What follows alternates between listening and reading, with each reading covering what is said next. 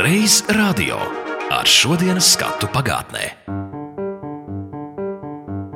Radio neatņemama sastāvdaļa no tā pirmsākumiem līdz šodienai ir literāro darbu lasījumi, to iestudējumi, intervijas ar rakstniekiem, dzējniekiem, tulkotājiem, izdevējiem, grāmatu apskati. Un visu šo gara gaismas paleti, kā starp citu savulaik sauc vienu no literārajiem raidījumiem, šajā radio vēstures apskatā aptvert nevaram. Un šoreiz raudzīsim, kā pirms vairāk nekā 60 gadiem tika nīcinātas un glābtas radiobibliotekas grāmatas, kā top radio mazā lasītava un kā literāti lasīja savus darbus radio ēterā.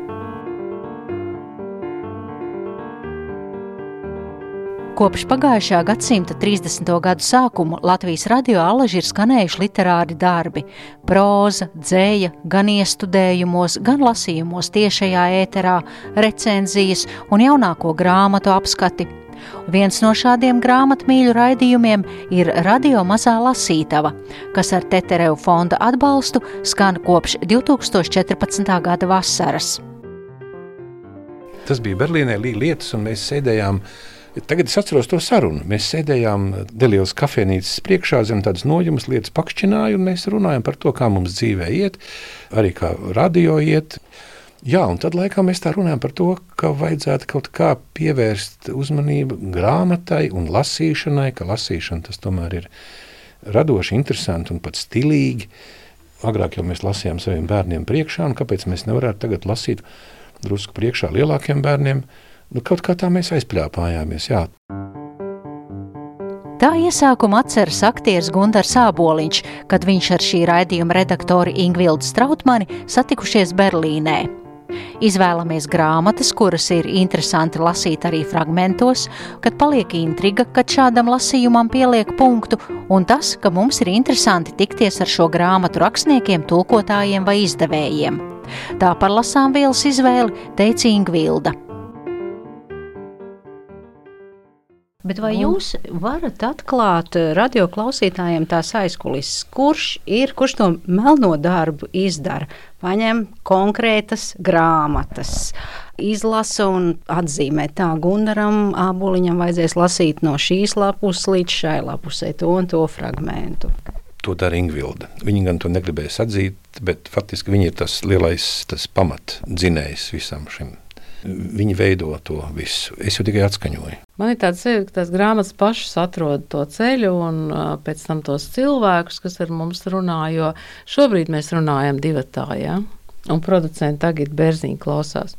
Bet parasti jau ir vēl kāds. Ir vēl kāds pareizi, un Agita Bērziņa ir arī tā, kas strādā nevien kā producents, bet arī kā fotogrāfa saistībā ar sociālajiem tīkliem. Visas tās bildītas, kas parādās, teiksim, radio Facebook lapā, tās ir ar Agītas Bērziņas mobilo telefonu radītas. Viņa kautrīgi aizslēpās aiz mikrofoniem. Un raidījumi šeit tiek ierakstīti un pēc tam samontēti. Ir kādi stoteri un pārteikšanās, bet gribēju jautāt tev, viens ir, ka tu gatavojies lomai, bet šeit tu tomēr atnāc, vai tev iepriekš tev Ingvilda atsūtīja? Atnāc un tev, tu atver svaigu grāmatu Jā. un lasi bez iepriekšējās sagatavošanās. Jā, mēs pieņemam lēmumu, ka tas ir dzīvāk un nu, tā Pārsteiguma moments. Pārsteiguma moments ir pašam. Nav jāspēlē pārsteiguma moments. Frankfurtē noteikti jums uzdeva dažādas jautājumus, un ko jums parasti jautā? Nu, es domāju, ka, ja es būtu vācietis, francūzis vai vienalga, es jautātu, kas tā jālgau tāda ir droši vien. Laikam bija arī pāris tādi jautājumi, bet nu, parasti tās sarunas ir kaut kādas apmēram, ka cilvēki, nu, tas bija pēc tā lasījuma Briselē, kur visiem ļoti, ļoti patika. Nu, es nezinu, vai visiem, bet šķiet, ka daudziem kas uzskaitīja virknē tos grupu nosaukumus. Nu, tur mums bija dota minūte lasīt no skatuves, un tur bija. Labdien! Labdien. Mākslinieks Gunārs Aboliņš, autors Jānis Jaņērs. Patīk, ka mēs esam tikušies. Ā, jūs esat tikušies? Sveicināti! Viņš ir tikko Briselē balvu saņēmis. Rekā grāmatai rekā virsū. Tātad jūs Briselē minūti lasījāt, ja ne? Jā, un nu, par to, ko parasti jautā, tad pēc tam cilvēki vai nu nāca runāt un teica, ka jā, es jau arī kādreiz tādu mūziku esmu klausījies, un man patika tas, un vai jūs to zināt? Tas bija fragments no sarunas ar grāmatas Jelgava 94 autoru Jāni Joņevu. Ir ļoti viegli lasīt tos tekstus, kur jūtams, ka tulkotājs vai autors savu tekstu ir balsī pārlasījis, ka tā ir skanoša valoda. Tas, par ko kādreiz runāja dzintars sodums, kā teica dzintars sodums, valodai ir jābūt labskanīgai, jo pasakas nav stāstāmas rakstītā valodā vai rakstāmā valodā. Tās ir pasakāmas. Valodai ir jābūt pasakaini pasakāmai un skanīgai, uztveramai ar ausi. Jo pirms mēs iemācījāmies rakstīt, mēs taču viens ar otru sarunājāmies. Tā kā runājumā valoda ir sanāka par rakstiem. Teicu viņai, kad laiks augsts, liec galvā cepuri, citādi ausis nosaldēs. Paskaties, viņai teicu, cik pulka tagad ielās ļaužu bez ausīm.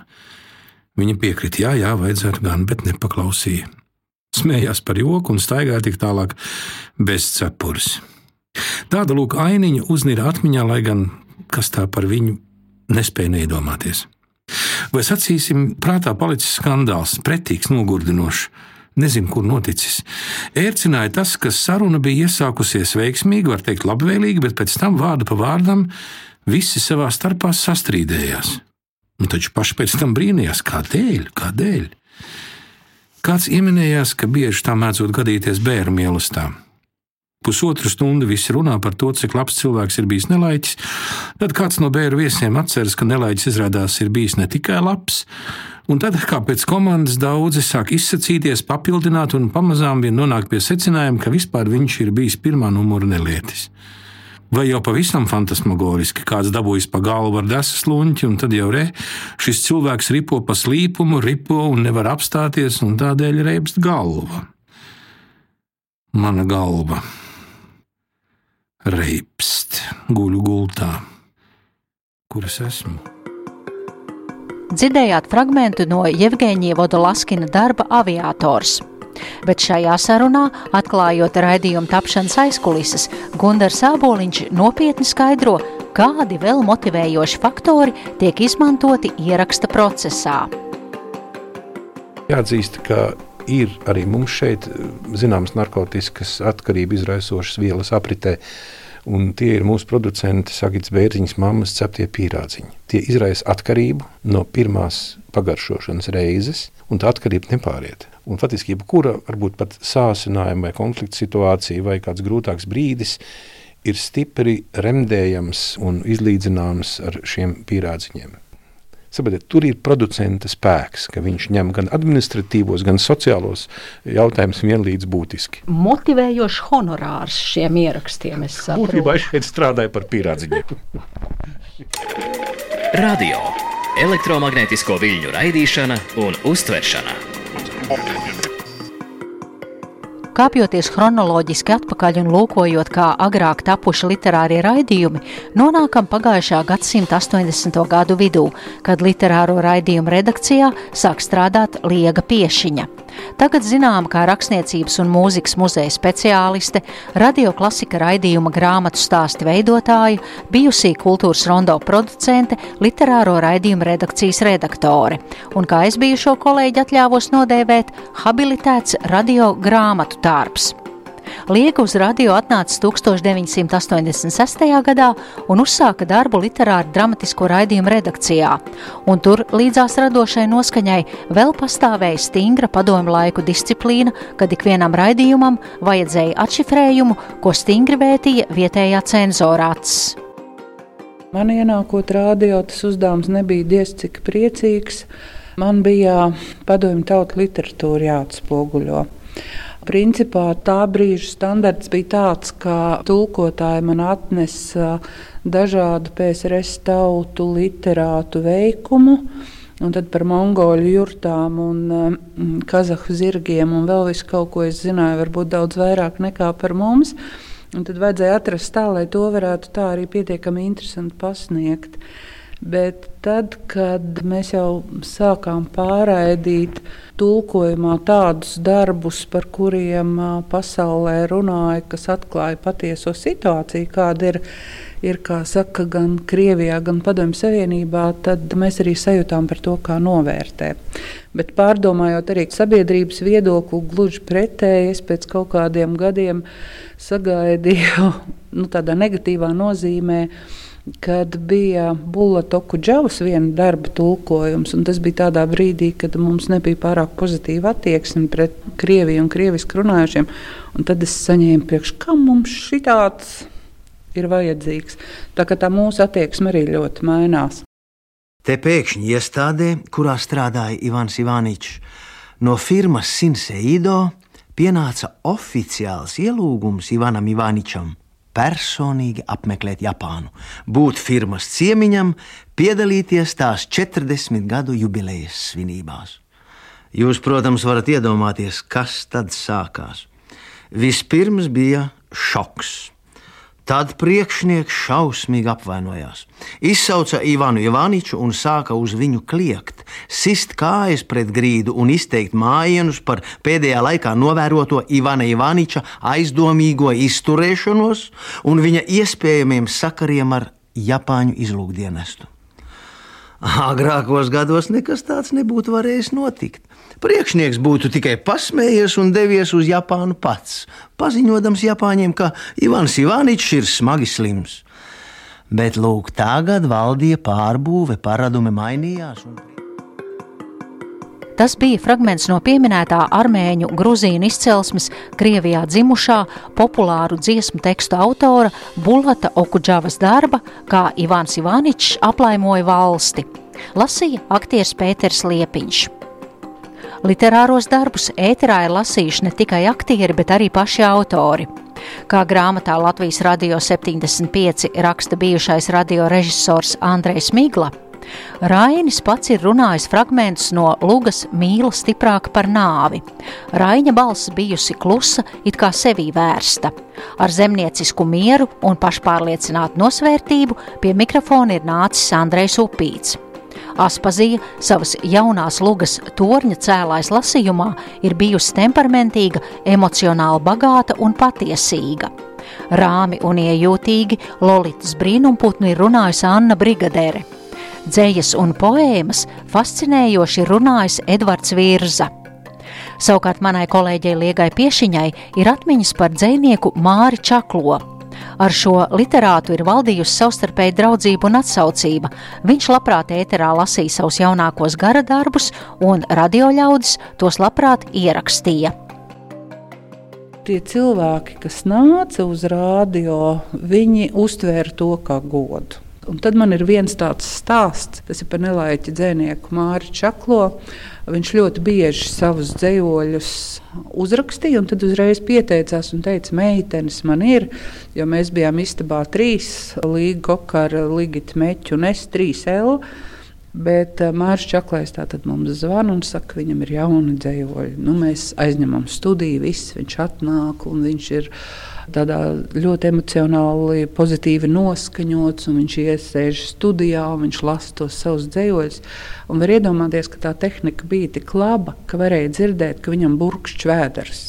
Nu, es nezinu, vai viņš nebija paēdis, vai viņš bija tik ļoti emocionāli pārņemts, bet var dzirdēt, lasot dzējos, ka burkšķis vēders. Protams, ka pie šī brīža ieraksta sistēmas, kad ir daudz papildus trokšņu un nav šī sterilā skaņa, tas nevienu neuztrauc. Un arī tad, ja šo ierakstu iedotu tagad paklausīties, nu, tas, kas tur skan, neviens neiedomātos. Ezers pārstāja raudāt. Ap ezeru sastājuši visādi skursteņa ērmi, tumši zaļas un mīkstas ēnas, slimo ezeru sasadz kā bērnu, saindēta ūdeņi, sapostīta tāle, tikai zaļas un mīkstas ēnas, tikai doņa un vilku vāles. Klau ezers pārstāja raudāt, ko viņš tur dungo pie sevis. Gribu es lidot prom, dara man pastalas tēvis. Ēters! Vide, kur izplatās radioviļņi. Turpinot kāpties atpakaļ laikā un skatīt, kā gadu gaitā ir notikusi literatūras un radio miedarbe, jūsu uzmanībai fragments no sarunas ar dzēnieku Valdi Rūju, kurš pagājušajā gadsimta 50. gados strādāja radio literāro raidījumu redakcijā. Uz interviju dzēnieks ir atnesis divas relikvijas no tā laika - apbružātas grāmatas un stāstu par tām. Mums jau bija arī priecīgas dienas, un bija jaukas dienas. Bet bija arī tādas drūmas dienas, un viena no tādām drūmām dienām es atceros, kad jau tika pievilktas tās ideoloģiskās siksnas un ka nīcināja ārā bibliotekas. Un mēs ar Arvītu Skalbi sēžam arī mūsu redakcijas tajā telpā, un, un dzirdām, piebrauc smagā automašīna, tāds īsti ķiļiega, un pa logiem, kur tā mūsu biblioteka bija, mēs skatāmies kādu stundu, met ārā grāmatas, sviež, tā mašīna, sviež grāmatas iekšā. Arvīts saka, jāskrien kaut kur samietām vienu pustopu, mēģināsim pēc tam, kad tā būs pielādēta tā mašīna, mēģināsim ar viņu to šoferīti sarunāt, lai viņš mums ļauj tur kaut ko paņemt, ka mums tur tantes dzējoļi vai kaut kas tāds pazīstam vai kas vai kāda grāmata. Vēlāk noskanēja, bet tā šoferi tas tāds labdevīgs latgalies, viņš saka, ko, izsaka, mņē, vajag vēst uz musorņiku, visu un tā tālāk. Nu, es neko neredzēšu, pabrauc drusiņi garām, viņš saka, ņemiet, cik varu, mums bija līdzi tie portfeļi, un mēs lasījām tās grāmatas, man sirds sita, sita Elza Stērs, Zinaida Lāzda, Strēlera. Es nezināju, kuru ņemt, kuru neņemt. Daudz sev tikai draugiem iedēļ palasīt, vienu otrs ir nomiris, nav, nav atdodas. Bet vienu grāmatu es atnesu, gribu jums atstāt to franču lirika, atzējojas virza, un šo grāmatu arī es no viņas mācījos rakstīt kad uzzināju, ka man ir šāda grāmata, gan Velga Krīle, gan Belševis, gan Vācietis, gan viņa no rokas rokā gāja šī grāmata. Tāpat ir rakstnieku pasvītrojumi, franču modernā lirika virsmas tulkojumā. Man ir liels prieks viņu atdot visiem radiozīmogiem. Vēl. Un otra grāmatiņa, ko es gribu atstāt, tas ir Raņa Daugaus. Tas ir Rudzīša, Menhāda Rudzīša. Viņš strādāja kādu laiku pēc kara radiofonā. Un viņš ir veidojis ar Rešoru Feldmani tādu literāru montāžu. Tur var redzēt, kā tur īstenībā raini pārveidoja drusinu. Tur pat ir rakstīts, ka dziesma beigās likt. Un, koris sarkanais strēlnieks Ozoliņš. Jā. jā, un te ir arī ar zīmoli rakstīts Voldemāra Feldmaņa literāri jā, jā. muzikāls uzvedums. Nu, jūs mm, zelta vērtē relikvijas esat Latvijas rādio uzdāvinājis. radio elektromagnētisko viļņu raidīšana un uztveršana. Un raidījuma noslēgumā vēl atmiņu stāsti par tiem laikiem, kad tiešajā ēterā nedrīkstēja atļauties nekādas atkāpes, un tādiem laikiem, kad studijā ērti jutās suņi. To atceras Ingvilds Strautmane un Gundars Āboliņš. Man tika uzticēts iespēja, tiesības piedalīties dzīvajā lasījumā. Jo parasti dzīvē gāja tikai diktori, pārbaudīti cilvēki. Tam visam sakoja dispečers. Un, e, Tad bija jāsagatavojas. Tev divas, trīs dienas iepriekš iedeva 4. un 5 kopija, tas bija mašīna rakstā, tas tekstīns. Parasti bija tādi padomi, man, vismaz tie, kas bija, man bija tādi padomju autoru stāstīņi par kādiem labiem padomju bērniem, kā viņi pierāda to, ka tie bērni tomēr ir krietni cilvēki, vismaz izaugs par krietniem cilvēkiem. Un tad šis teksts bija jāsagatavo, un tad mans tēvs, kuram ir liela radio pieredze, viņš man trenēja, kā pārcelt lapas, jo nedrīkstēja čaukstēt.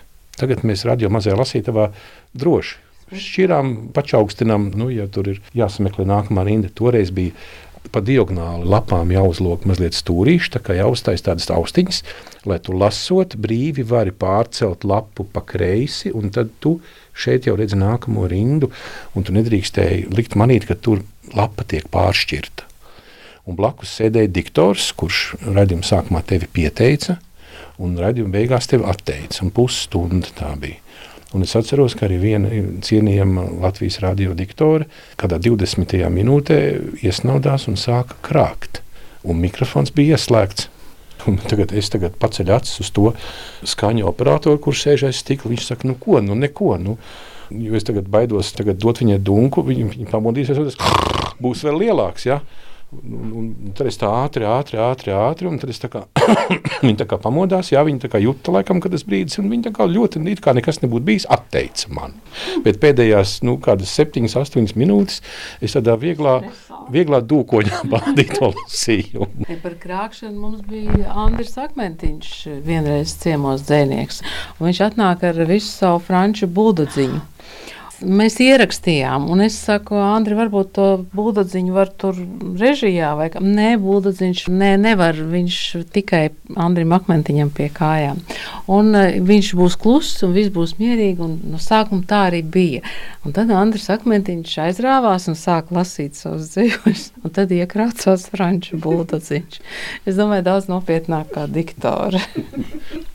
Mēs pārēdījām ar visu krācienu. Nu, redz, te mums suņi ir pieminēti. Tā.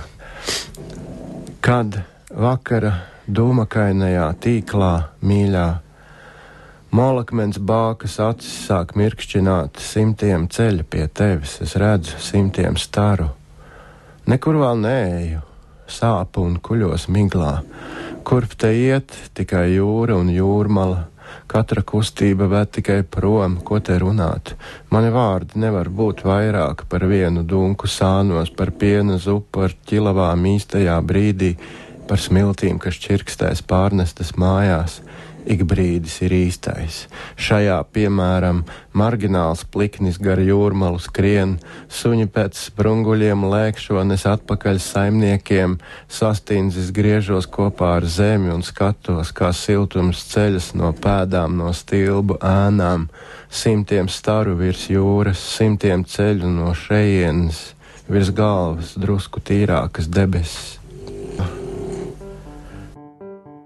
Ar šo 2011. gadā ierakstīto Andra Akmentiņa dzēju un viņa franču buldoga Rebekas krācieniem fonā izskan kārtējais radio vēstures raidījums, un to veidoja Zane Lāce.